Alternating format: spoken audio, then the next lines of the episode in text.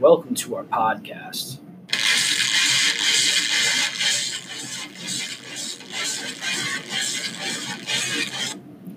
Today we are talking about the value of democracy and why it was so important in World War II.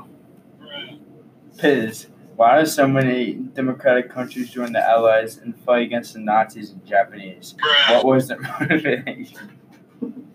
The the democratic countries did not want another repeat of the First World War. Many countries that fought in the First World War in Europe and North America were part of the League of Nations, which was supposed to keep the peace after the First World War.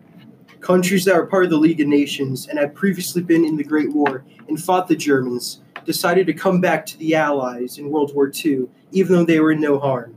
A good example of this is Canada. Canada was in no immediate danger with the rise of Germany. However, they were part of the League of Nations, and Canada lost 60,000 soldiers in the First World War, so they thought it was their responsibility to keep the peace. What are some of the benefits of democracy? A few benefits of democracy are that it promotes equality, making everyone equal, keeping the social environment peaceful, because no one is above no one is above one another. It allows a little chance of revolution, meaning that there is a little chance of public revolt. It also promotes change, making citizens feel good and even provides them with a sense of participation and involvement. What would be some downfalls of democracy? Some downfalls of democracy require voters to be intelligent to be effective and focuses solely on the needs of the majority. People who find themselves in the minority on a decision will feel as if their country didn't listen to their ideas and perspectives. Downfalls of democracy also discourages discourage the ideas of an open mind.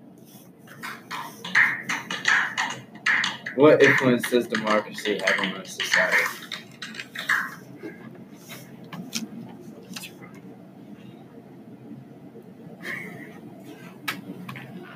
The influence of democracy has a positive effect on environmental qualities.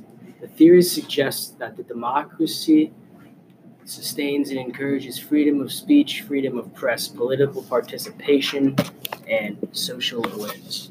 These elements provide a conduit for social demands. Yeah, boy!